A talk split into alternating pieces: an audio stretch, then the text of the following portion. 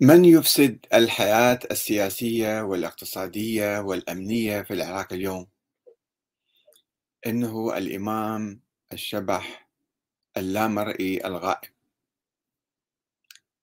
ربما تتعجبون من قولي هذا ولكن هذه هي الحقيقة إنه الإمام محمد بن الحسن العسكري بقوسين المهدي المنتظر كيف؟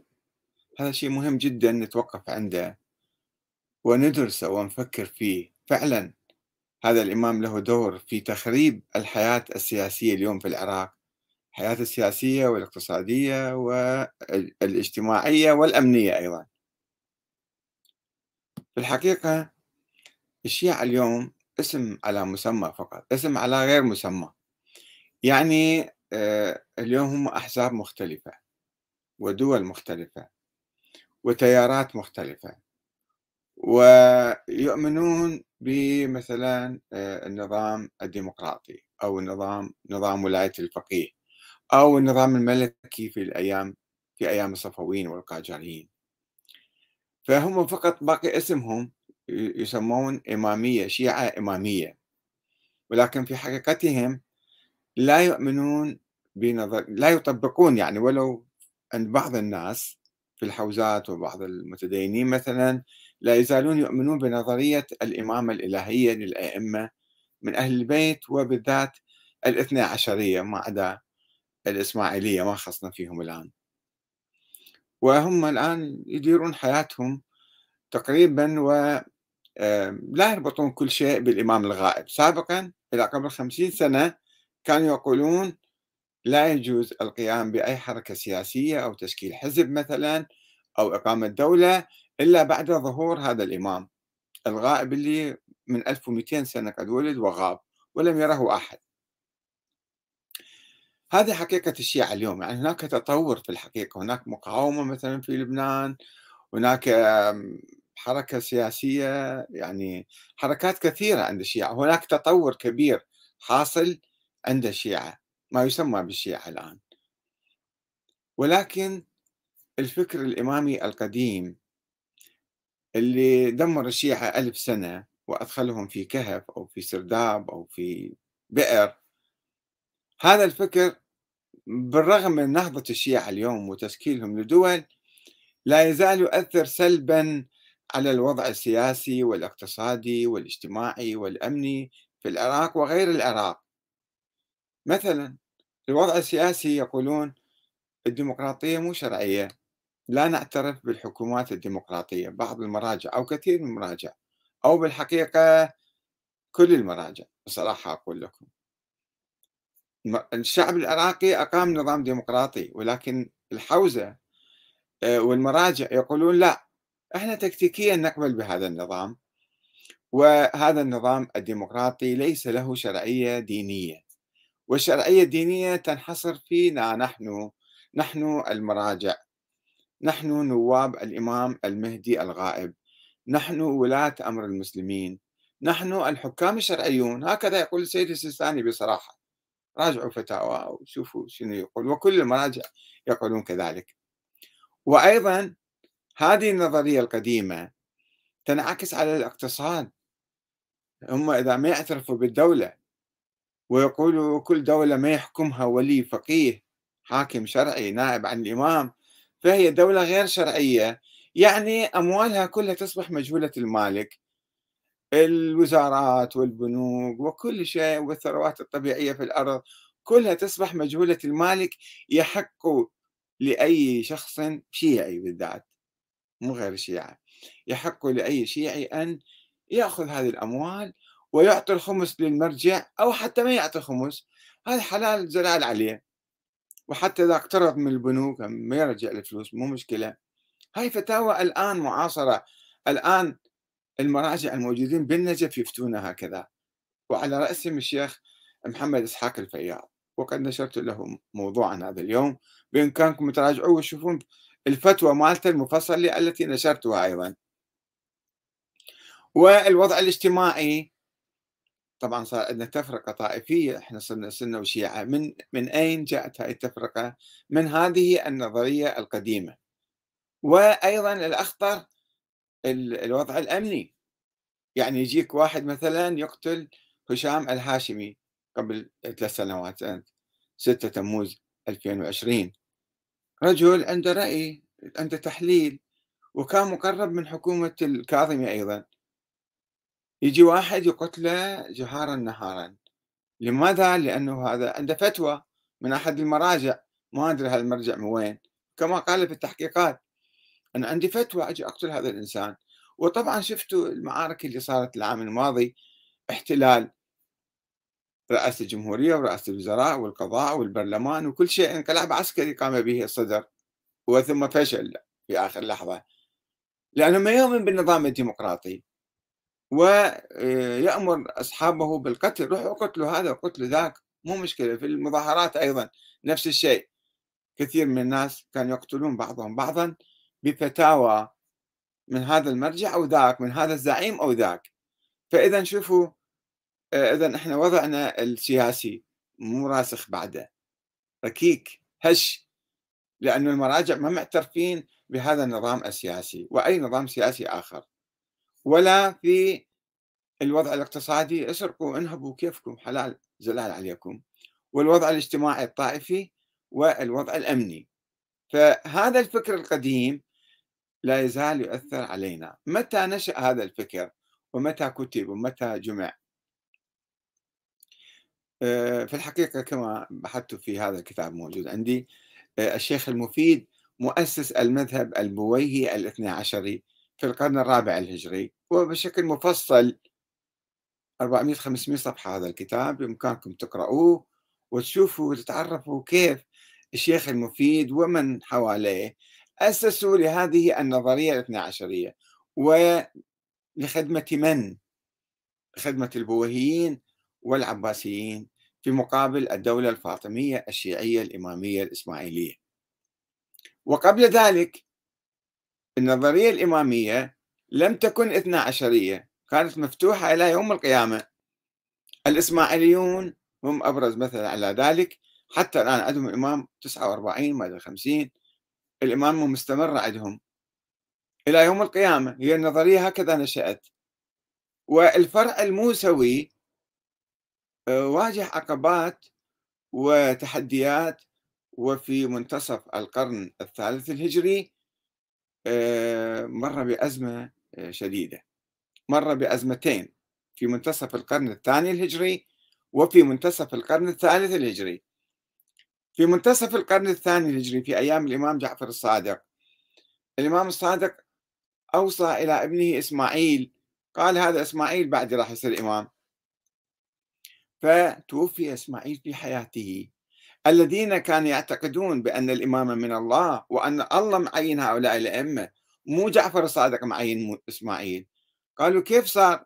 الله ما يعرف هذا إسماعيل راح يموت؟ شلون يقول إسماعيل يصير إمام بعد الصادق وإسماعيل يموت قبل الصادق؟ فسألوا الصادق قالوا كيف أنت تقول هالكلام؟ قال لا بدا لله في إسماعيل. الله غير رأيه. أول كان إسماعيل هو يصير إمام بس بعدين الله غير رأيه. الشيعة ما قبلوا قسم من الشيعة إذا لم أقل أكثر الشيعة لم يقبلوا هذا التبرير من الإمام جعفر الصادق. وقالوا لا هذا كلامك مو صح أنت أصلا مو إمام من الله. وإحنا كنا مشتبهين كنا نعتقد الاعتقاد وراحوا التحقوا بالزيدية. قسم أصار قال لا إسماعيل ما مات ما دام الإمام عينه هو إمام بعده إسماعيل ما مات. وهذا الدفن والجنازة وكل الأشياء هذه مسرحية سواها الإمام الصادق وأخذوا الإمامة من إسماعيل وأبناء إسماعيل إلى اليوم. بقية الشيعة طبعا قسم منهم قالوا الإمام صادق هو الإمام المهدي وهو قد غاب. هاي باطنيين هكذا كانوا يقولون كل يوم يفسرون.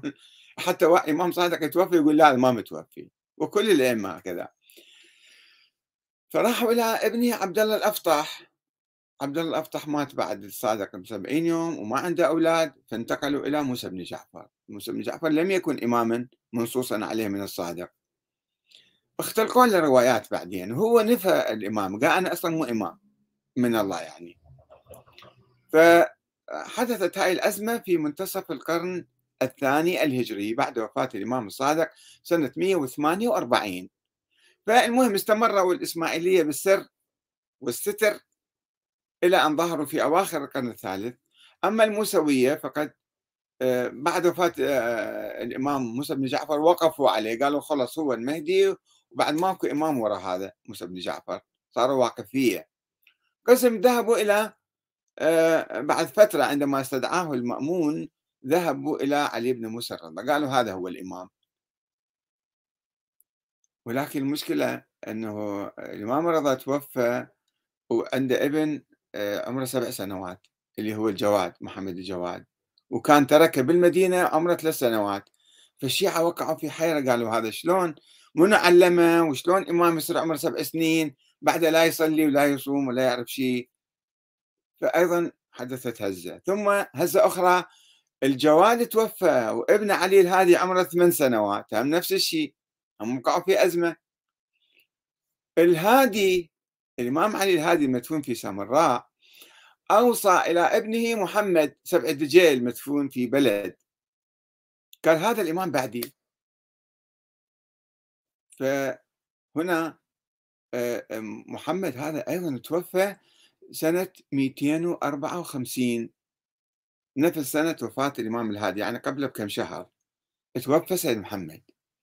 فهم وقعوا في أزمة قالوا شلون هاي الإمام وين راحت؟ شلون راح يصير من الإمام؟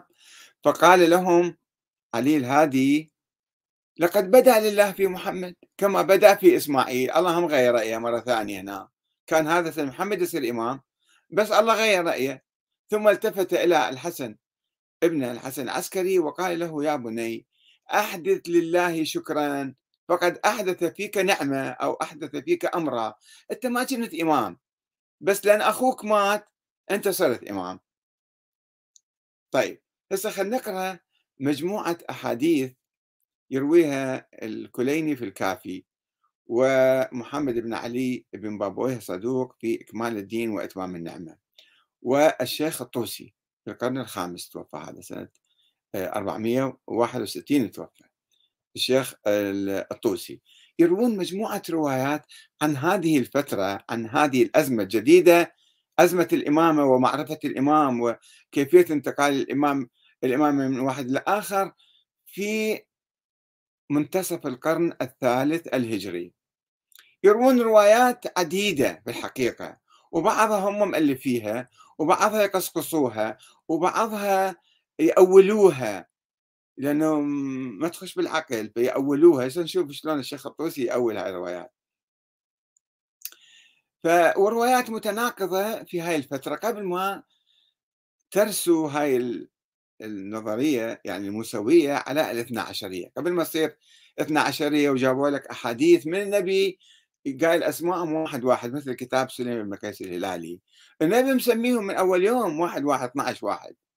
هذه ما كانت موجودة ولا أحد يعرفها. شوفوا هاي روايات نفس المشايخ مشايخ الطائفة الاثنى عشرية في القرن الرابع والخامس الشيخ الكليني والشيخ الصدوق والشيخ الطوسي ماذا يروون؟ من روايات عن هذا الموضوع. وبعدين سوونا نظرية ثابتة وإحنا حتى الآن بعد ألف سنة نعاني منها. عانينا خلال ألف سنة ولا زلنا نعاني منها وهي تخرب نظامنا السياسي والاقتصادي والاجتماعي والأمني الآن في العراق. لذلك بالحقيقة بحاجة أن نتوقف شوي وندرس ما نأخذ الأمور تقليد أعمى. ما نقلد هذول الشيوخ اللي يدعون هم مراجع واللي لا دارسين عقيدتهم ولا يعرفون أي شيء. ويدعوا لك هم كل واحد أنا آية الله العظمى وحجة الإسلام والمسلمين. فقبل ما تتكون نظرية الثاني عشر أو فرضية الإمام الثاني عشر، فرضية فلسفية يعني عقلية. خلينا نشوف الأحاديث اللي رواها هل هالعلماء هالمشايخ.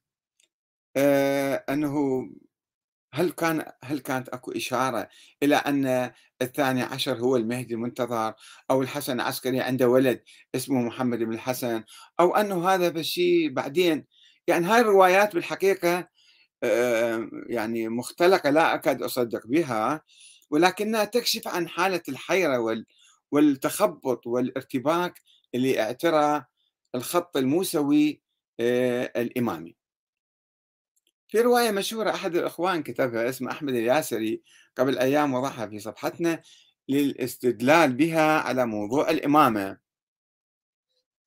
آه، يقول عن عبد العظيم الحسن هاي رواية معروفة يرويها الشيخ الصدوق قال دخلت على سيدي علي بن محمد الهادي عليهم السلام فلما بصر بي قال لي مرحبا بك يا أبا القاسم أنت ولينا حقا.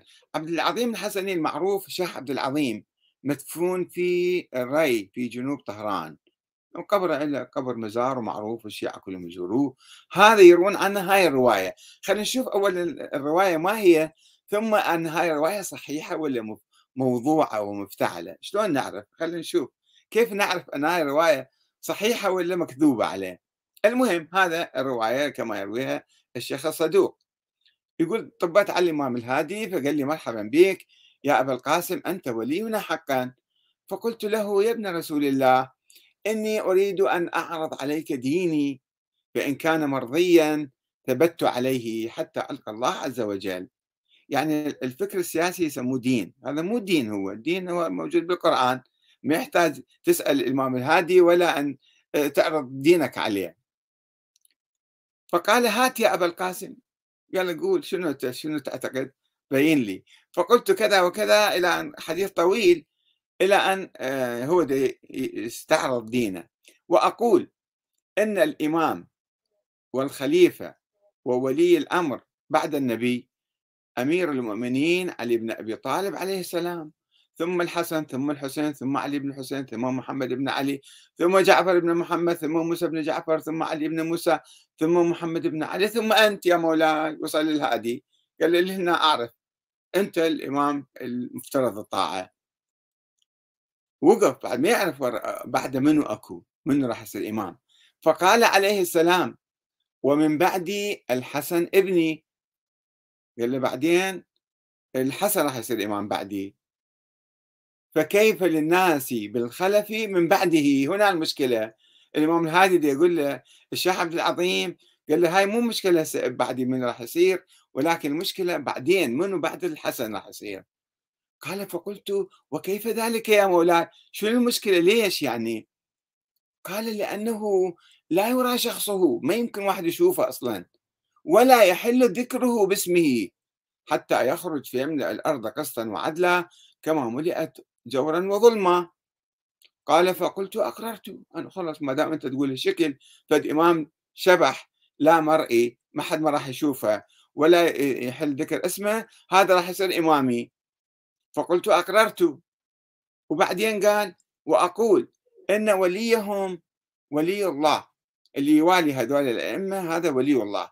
وعدوهم عدو الله وطاعتهم طاعة الله ومعصيتهم معصية الله. شنو صاروا أنبياء؟ هم هم أنبياء. ليش الكلام هذا؟ المهم هذا يقول هالشكل عقيدته. هكذا ينقل عنه. فقال الإمام الهادي آه، يا أبا القاسم هذا والله دين الله. ليقسم ليش يقسم؟ ماكو داعي للقسم أصلا. هذا والله دين الله ارتضاه لعباده. فاثبت عليه ثبتك الله بالقول الثابت في الحياة الدنيا وفي الآخرة. خلاص ما دام أنت تعتقد هالشكل حتى إمام ما تشوفه ولا تعرفه فهذا هو أنت خلاص أنت الله يثبتك إن شاء الله. هذا في كتاب الشيخ الصدوق كمال الدين وتمام النعمة. جزء واحد صفحة 407 راجعوا هذا الكتاب وهي رواية مشهورة. فإذا هسه خلينا نشوف هاي الرواية. صدوق جاية عن هذا الشخص الشيخ عبد العظيم الحسني أو لا مؤلفيها عليه بعدين ورا 100 سنة. هو متى توفى هذا الرجل؟ ومتى رويت؟ ومن رواها؟ في أشياء يعني تحيط بهاي الرواية. تأكد بعض النقاط يرويها الشيخ الكليني. هذا بعد بعد خمسين سنة تقريبا من وفاة ذاك الشخص آه، عبد العظيم الحسني اجى الشيخ الكليني في بداية القرن الرابع ودا يروي روايات فيها بعض هذه المعاني. خلينا نشوفها.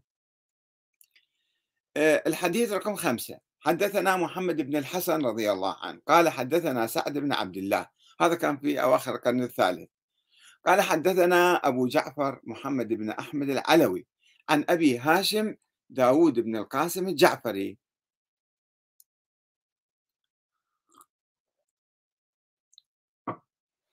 هذا أيضا شخصية كان آه، مرافق للأئمة وتوفي سنة 261 أبو هاشم داود بن القاسم الجعفري. قال سمعت أبا الح... من يرويها؟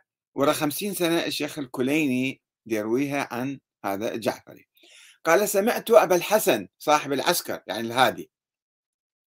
يقول الخلف من بعدي ابني الحسن. فكيف لكم بالخلف من بعد الخلف؟ هنا المشكلة. أنتم إيش راح تسوون؟ الخلف الجاي بعدين الخلف من بعد الخلف. هذا ينقل عن الإمام الهادي. ينقلون عن الجعفري اللي ينقل عن الإمام الهادي. كل نقل في نقل والله أعلم.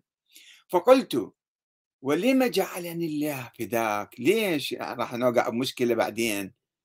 فقال لأنكم لا ترون شخصه ولا يحل لكم ذكره باسمه. نفس رواية آه، ذاك آه، صاحبنا يعني آه، عبد العظيم الحسني. فقلت كيف نذكره؟ شو نسوي؟ شلون نقول هذا الإمام موجود ونرجع له ونبايعه وكذا؟ قولوا قال قولوا الحجة من آل محمد صلى الله عليه وآله هذا يكفيكم فقط بصورة عامة يعني. حديث رقم ستة حدثنا أبي ومحمد بن الحسن رضي الله عنهما قال حدثنا سعد بن عبد الله هم تجي الرواية على سعد بن عبد الله.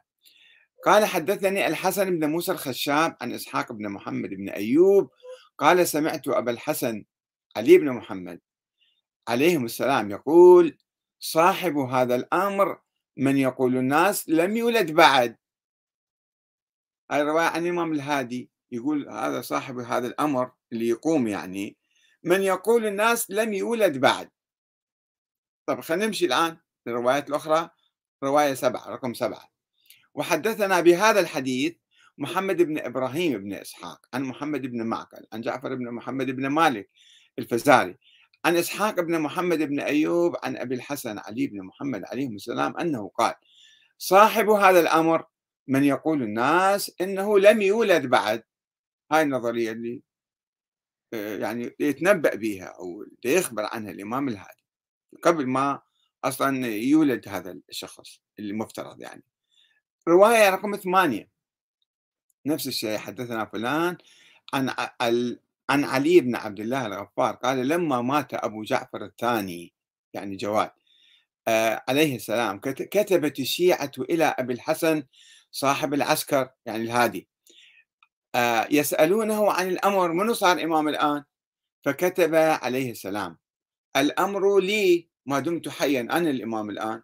فإذا نزلت بي مقادير الله عز وجل أتاكم الله أو آتاكم الله الخلف مني يجيب لكم واحد بعدين ما يعرفون حتى الآن من هو.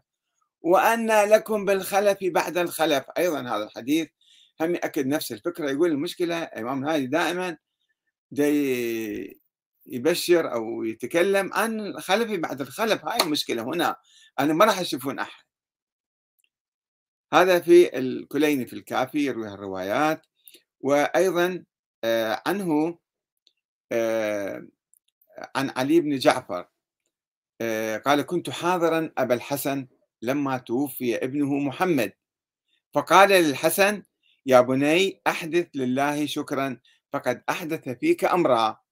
يعني الحسن بعد ما كان معروف هو إمام والشيعة ما يعرفوه هو الحسن ما يعرف نفسه راح يصير إمام بس لما توفى ابنه محمد سبع دجيل مدفون في بلد فقال له يا بني أحدث لله شكرا فقد أحدث فيك أمرا. طبعا الرواية هنا مختصرة جدا سنقراها بروايات أخرى. هذا الكليني يرويها مختصرة.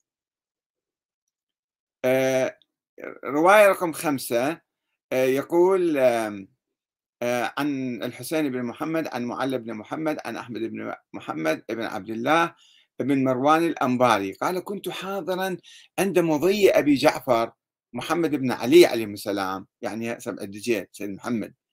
فجاء أبو الحسن عليه السلام فوضع له كرسي فجلس عليه بالفاتحة يعني وحوله أهل بيته. وأبو محمد يعني الحسن العسكري ابنه قائم في ناحية على صفحة واقف. فلما فرغ من أمر من أمر أبي جعفر لما خلص الفاتحة أو الدفن التفت إلى أبي محمد عليه السلام فقال يا بني أحدث لله تبارك وتعالى شكرا فقد أحدث فيك أمرا. أنت الآن صرت إمام. بعد ما دفن ابن محمد وخلص. هذا في الكافي للشيخ الكليني جزء واحد صفحة 326 وما بعد ذلك. الأحاديث اللي قرأناها لكم. شوفوا الكليني هنا يختصر الرواية. خلينا نشوف الطوسي شلون يروي الرواية. الطوسي في كتاب الغيبة جزء واحد صفحة 224 وما بعد ذلك. رقم 167 رواية رقم 167 يقول رواه سعد بن عبد الله الأشعري. قال حدثني أبو هاشم داود بن القاسم الجعفر نفس الرواة بس نجيبها مفصلة. قال كنت عند أبي الحسن عليه السلام وقت وفاة ابنه أبي جعفر وقد كان أشار إليه ودل عليه. هذا الراوي يقول. أبو هاشم داود بن قاسم الجعفري يقول الإمام الهادي أشار إلى ابنه ودل عليه قال هذا إمام بعدي.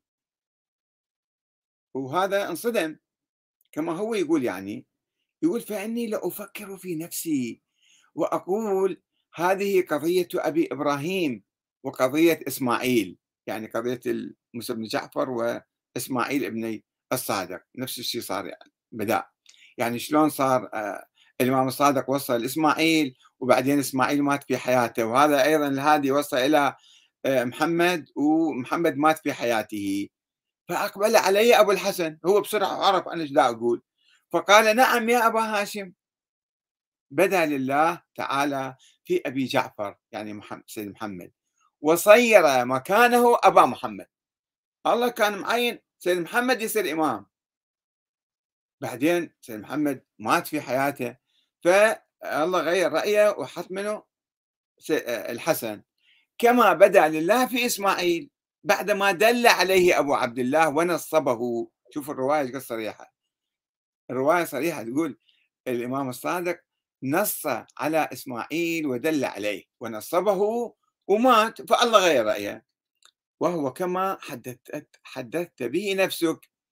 مثل ما أنت حدثت به نفسك أنه يعني هذه أزمة صارت مشكلة عندنا. وإن كره المبطلون والآن شنو؟ أبو محمد ابني الخلف من بعدي عنده ما تحتاجون إليه ومعه آلة الإمامة. والحمد لله. شنو هي آلة الإمامة؟ ما نعرف. هاي رواية شوف إيش صريحة. عن نفس الراوي ذاك السابق بس الكنيني مقطعها. الشيخ الطوسي لا شوية يفصلها أكثر.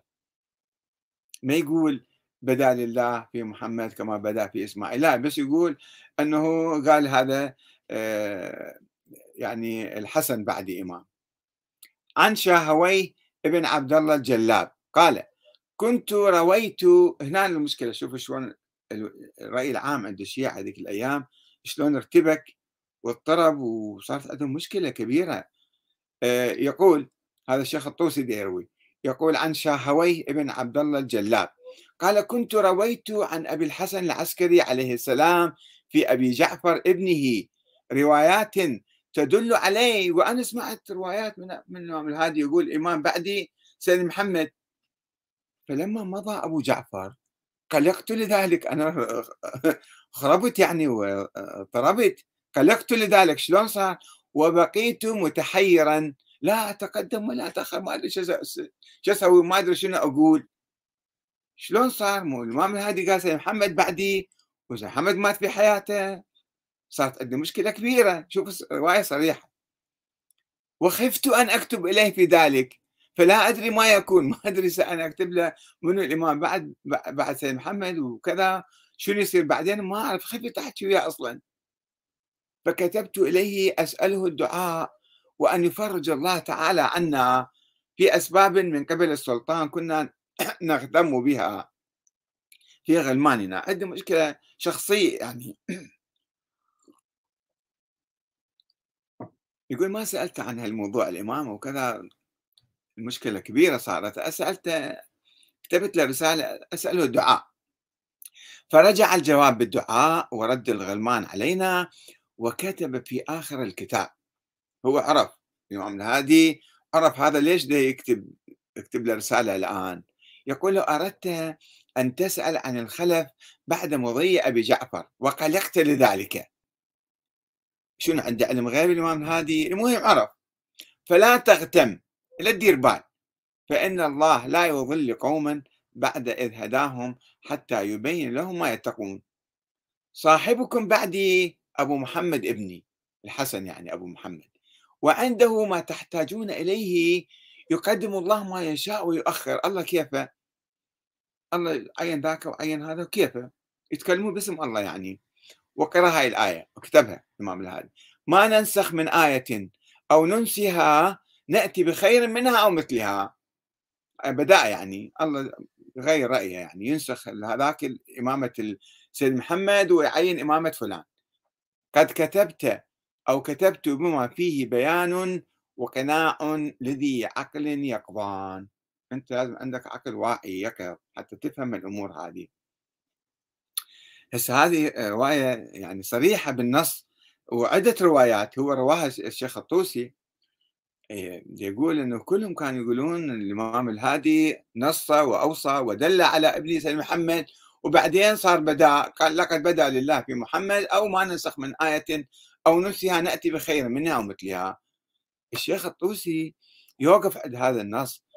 يشوف هذا النص مو معقول. ما يركب ويا نظرية الإمامة. ان الأئمة عندهم علم من الله والإمامة من الله تجي والله معين الأئمة. شلون الله يغير واحد ويموت واحد ويجي واحد؟ قال محمد بن الحسن. هسه هو يعطي رأيه الشيخ الطوسي. يقول ما تضمن الخبر المتقدم من قوله بدا لله في محمد كما بدا له في إسماعيل. شلون هذا نأوله نفسره يقول معناه ظهر من الله وأمره في أخيه الحسن ما زال الريب والشك في إمامته. فإن جماعة من الشيعة هذا الشيخ الطوسي جايش وقت في القرن الخامس الهجري يتحدث قبل 200 سنة. يتحدث 200 سنة دي أول الكلام مال الروايات اللي هو يرويها وما يقول هاي الروايات مو صحيحة. لا يقول رواية صحيحة بس شلون إحنا نركبها ويا نظرية الإمامة الإلهية الاثنى عشرية؟ فلازم نأولها بهذا الشكل يعني وإلا ما ترهم.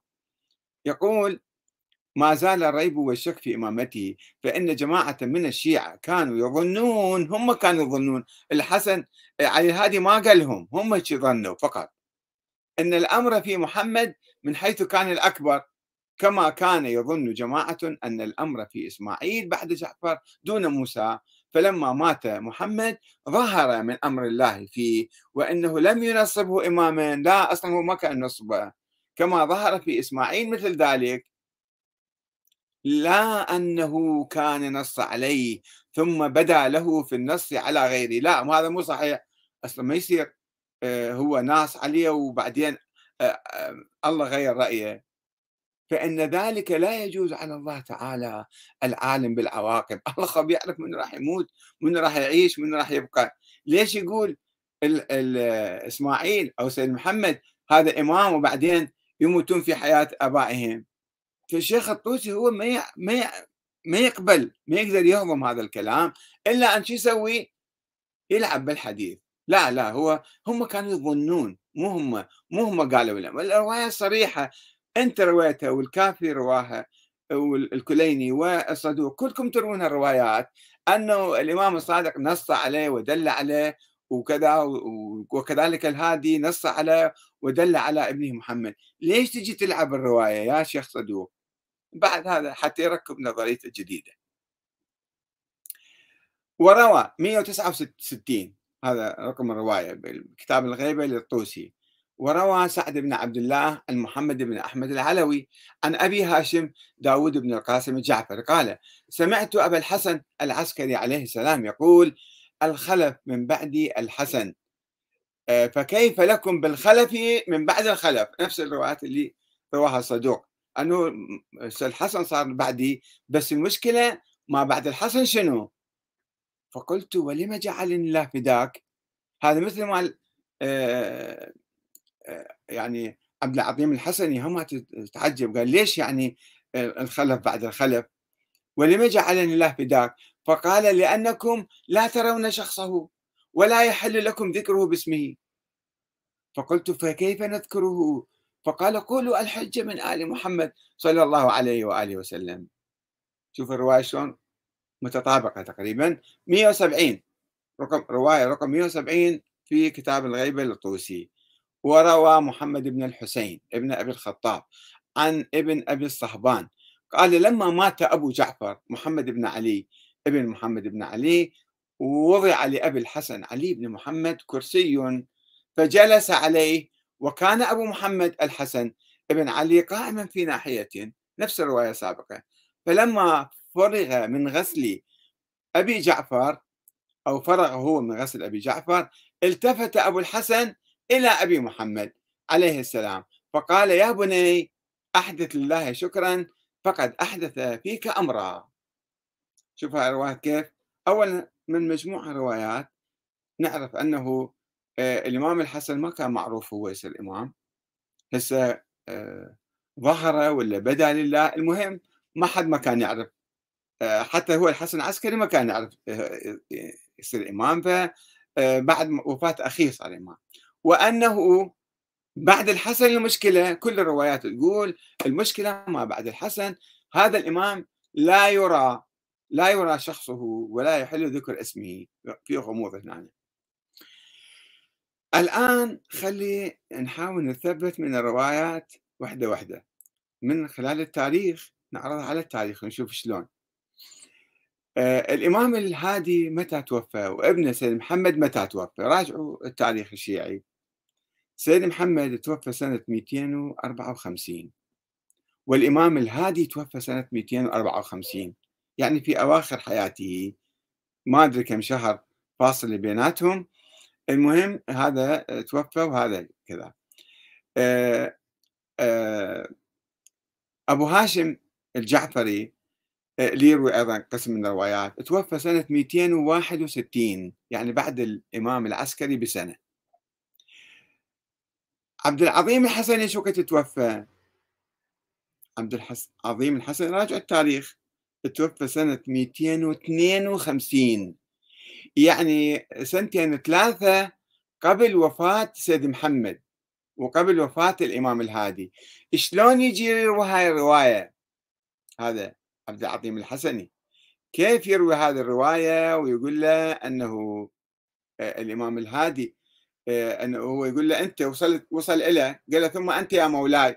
فقال عليه السلام الإمام الهادي يقول له المن إلى عبد العظيم الحسني.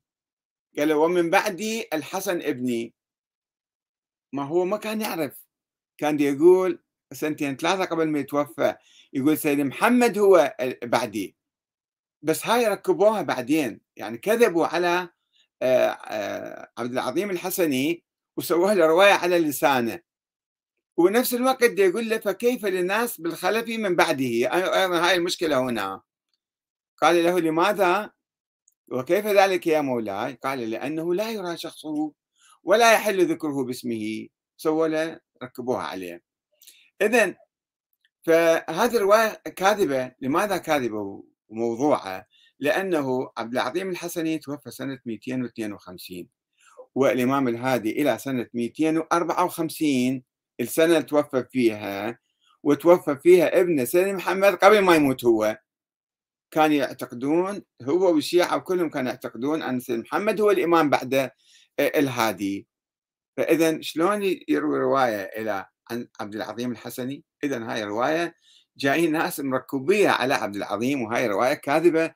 هاي الرواية اللي يرويها الشيخ الصدوق محمد بن علي بن بابويه الصدوق روايات كاذبة كثيرة يروون ومنها تنفضح بمقارنة التواريخ. طيب إذا آه، الإمام آه، ويقول لهم آه، على أساس الرواية في كل الروايات عبد العظيم الحسني وذاك الثاني الجعفري كلهم يقولون الإمام الهادي كان يقول يقول فكيف للناس بالخلف من بعده؟ وأنه لا يرى شخصه ولا يحل ذكره. متى هاي الرواية جاية؟ سنة 254 متى ولد ما يسمى بالإمام الثاني عشر محمد بن الحسن العسكري؟ ولد سنة 255 لما توفي والده العسكري هكذا يقولون. لما توفي والده العسكري كان عمره خمس سنوات. فشلون الإمام الهادي يقول هو بعد أصلا هذا لا متزوج ولا عنده أولاد يقول هذا الولد اللي راح يولد بعد سنة من وفاته أنه لا لا يرى شخصه ولا يحل ذكره ولا يحل ذكره باسمه. يعني في الرواية أيضا فيها سؤال يعني علامة استفهام. أن شلون عنده علم غيب؟ من وين جاب علم غيب؟ كيف تحدث عن إمام في المستقبل؟ سوف يولد ولن يرى لا يرى شخصه. وكل رواية كل الروايات يعني آه، شفناها كيف تقول أنه لأنكم لا ترون شخصه ولا يحل لكم ذكره باسمه. فشنو صار هذا؟ صار إمام شبح. إمام لا مرئي هذا الإمام اللامرئي لهالروايات في آه، يعني ما أعرف متى صنعت بالضبط ولكنها رويت في القرن الرابع الهجري. الشيخ الشيخ الكليني في الكافي والشيخ الصدوق في كمال الدين والشيخ الطوس بعد 100 سنة هم جاي ديرون هالروايات عن رجال توفوا في القرن الثالث الهجري. وتركيب سهل تركيب سهل والوضع سهل أيضا. بالنتيجة إن هاي النظرية الاثنى عشرية هذا الإمام اللي ما حد ما يشوفه ولا يحل ذكر اسمه هذا ضيع الشيعة ذيك الأيام وتفرقوا 14 فرقة. وقعوا في حيرة أنه شنو. صار الأمر وين الإمامة من الإمام؟ فتفرقوا 14 فرقة. في الوقت اللي آه، اجى الواحد اسمه عثمان بن سعيد العمري بعد فترة مو أول يوم أول يوم توفى الحسن هو يذكرون أن اجى عزى جعفر وهنأه بالإمامة بعد أخيه. هذا عثمان بن سعيد نفسه. بعد فترة هو كان خادم للإمام العسكري قال لك هاي خوش شغلة خلي أفترض وأدعي أنه الإمام العسكري عنده ولد وهذا غائب وأنا شفته عمره خمس سنين. هو الروايات كلها تقول ما حد ما يشوفه. شلون أنت يا عثمان بن سعيد راح شفته بعدين؟ لا ترون مو أنتم تروون روايات الكليني والصدوق والطوسي. كلهم يروون روايات أنه الإمام الهادي قال من قبل قال لا يحل آه، لا ترون شخصه ولا يحل ذكر اسمه. فأنت شلون تقول اسم محمد وهو آه، ابنه وأنا أعرفه وهو بالبيت موجود ودائما نلتقي بيه وألتقي بيه وأنا وكيله وأنا سفيرة وإذا عندكم فلوس جيبوها إلي. المهم هذا قال كلاما بعد 100 سنة بعد 100 سنة آه، هو توفى سنة 262 هذا. 262 عثمان بن سعيد العمري. وفي القرن الرابع اجى الشيخ المفيد وبالقرن الخامس ألفوا النظرية الاثنى عشريه صاروا الأئمة 12 وأسمائهم معروفة من قبل ومعلقة في البيوت. بيوت الشيعة كلهم أسماء الأئمة 12 معلقة في بيوتهم وما حد ما يعرف. شوفوا شلون التاريخ يزوروه. يزوروه ويلفلفوه وراحت النظرية أنه خلال ألف سنة كل راية قبل راية المهدي هذا الإمام اللامرئي الشبح كل راية قبل راية المهدي فهي راية ضلالة وصاحبها طاغوت. ونعبد من دون الله ما يجوز تقومون بثورة أو حركة أو شيء. حتى لو اجى صدام حسين سوى انقلاب 68 سيد محسن حكيم كان يقول لحزب الدعوة أنتم ما خصكم بالسياسة اقعدوا ببيت ببيوتكم وما يجوز تسوون ثورة عليه ما يجوز تسوون حركة سياسية ما يجوز تسوون دولة أصلا. هاي الفكرة الحجتية المراجع كلهم كانوا حجتية الخوئي والحكيم ومرتضى علي ياسين وكل الفكر هذا. ألف سنة كانوا يقولون لا يجوز أن نتدخل بالسياسة ونقيم دولة وحكومة. طيب الآن الشيعة تركوا هذا الفكر. تركوا فكر الانتظار وتركوا الشروط التعجيزية الصعبة. أن رئيس الجمهورية مثلا أو رئيس الوزراء يجب أن يكون معصوما معينا من قبل الله. هاي نظرية مو معقولة. شلون الله يومية يسبب لنا مشاكل؟ يعني شلون نعرف هذا الإمام المعصوم؟ فالشيء صعب جدا. فقال لا عمي مو هالشكل. الفقيه العادل نحطه نسويه رئيس جمهورية مثل بإيران مثلا. أو بالعراق لا يا إحنا نسوي نظام ديمقراطي انتخابات. بس الفكر القديم الفكر القديم ما استقال. ما قال خلاص هذا فكرنا خاطئ كان من البداية إحنا كنا مشتبهين. لازم يقولوا هالكلام. المراجع لازم يعترفون الآن بعد اعترافهم بالجمهورية الإسلامية في إيران وبالنظام الديمقراطي بالعراق وبأي نظام آخر. يجب عليهم أن يقولوا بصراحة أن هذا الفكر اللي ألفه الشيخ المفيد بالقرن الرابع الهجري أو قبل الناس اللي افترضوا واحد موجود لا مرئي هذا هو الإمام وهم كانوا يدعون ماخذين نيابة. هم الشرعية عندهم.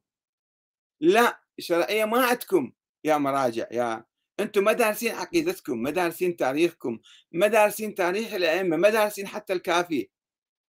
فضلا عن آه، إكمال الدين أو الشيخ آه، الغيبه للشيخ الطوسي والنعماني. الحوزة عليه أن تدرس هذا التاريخ. أول شيء قبل ما تبلش بالفقه والأصول والنحو واللغة وما أدري شنو على الحوزة وأي طالب في الحوزة أن يدخل ويدرس تاريخ الأئمة وتاريخ الإمامة ويشوف هذا الفكر كان موجود وراسخ وقوي ومنتشر بين الشيعة أو كان في غموض وفي أزمات وفي تحديات وفي مشاكل وفي أكاذيب وفي ادعاءات فارغة.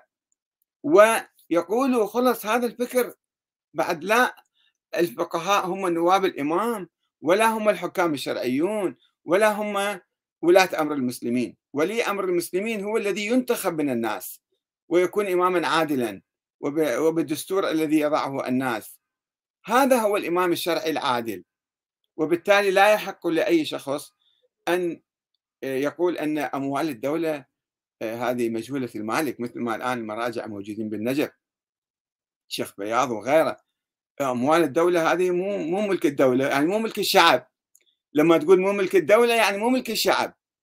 أموال الدولة النفط والمعادن والجمارك والحدود وكل شيء والضرائب هذه أموال الشعب العراقي وكل شعب. مو تجي تقول أنا ما أؤمن بالدولة وأنا نائب الإمام وجيبوا الفلوس اللي يعطوني إياها. أعطوني خمس وأحلل لكم السرقات آه، والنهب من من الدولة. هاي المشكلة اللي عندنا الآن. بهذا الفكر الميت بهذا الفكر الخرافي إحنا ندمر تجربتنا السياسية الآن في العراق. وندعي ان هاي حكومة شيعية. شلون حكومة شيعية وأنتم ما تعترفون بشرعيتها؟ وتقولون أموال الدولة مجهولة المالك والدولة هاي مو شرعية شرعية عندنا فقط. ثم يجون بعض الفقهاء والمراجع ويصدرون فتاوى روحوا قتلوا هذا قتلوا ذاك. وقتلوا ذول المتظاهرين وقتلوا ما أدري منه وقتلوا هذا هشام الهاشمي. الآن صدر عليه حكم بالإعدام على قاتله البارحة في المحكمة. ولكن لماذا وقع ضحية الفتاوى الباطلة الظالمة؟ إنسان بريء ما مسوي شيء اختلف سياسيا معاك مثلا. مو تجي تقتله. هذا الإرهاب الموجود الآن بالعراق حقيقة من هذا الفكر القديم اللي كل واحد يعطي نفسه الشرعية أن يقتل أي واحد ثاني وصدر أوامر. مرة التقيت بواحد في لندن دكتور في الهندسة في الهندسة النووية. يقول أنا أسمع كلام المراجع أقلد وإذا قال لي المرجع أقتلك أقتلك بصراحة قال لي, قال لي وهو صديقي. قال له المرجع يقول لي أقتلك الآن أقتلك أنا. قلت له فعلا هكذا تفعل؟ قال نعم. أنا أقلد المرجع. التقليد بدعة. التقليد خلاف الدين. والمشكلة الآن موجودة بالعراق. ناس يأمرون فتاوى اقتلوا اقتلوا. بدون قانون بدون محاكمة بدون أي شيء. بالشارع يجي طاخ طاخ طاخ يقتله. فشوفوا مخربين حياتنا السياسية والاقتصادية والاجتماعية والأمنية. بهذا الفكر الخرافي الأسطوري الفكر اللي مو معقول أصلا من أول يوم إلى آخر يوم. لذلك على كل إنسان أن يراجع هذا الفكر حتى نبني بلد قوي نبني بلد عادل. ونعترف ب شرعية الانتخابات ونشارك فيها بقوة. ليش الناس ما يشاركوا بالانتخابات؟ لأنه ما يعترفون بشرعية الانتخابات. يدرون أنه في ناس آخرين من وراء الدولة ومن وراء الانتخابات هم يفعلون ما يشاءون وبالتالي يصير الانتخابات مسرحية فارغة وفاشلة فلكي نقوي هذا النظام علينا أن نعيد النظر في كل الثقافة الأسطورية الأخبارية آه، الموروثة. والسلام عليكم ورحمة الله وبركاته.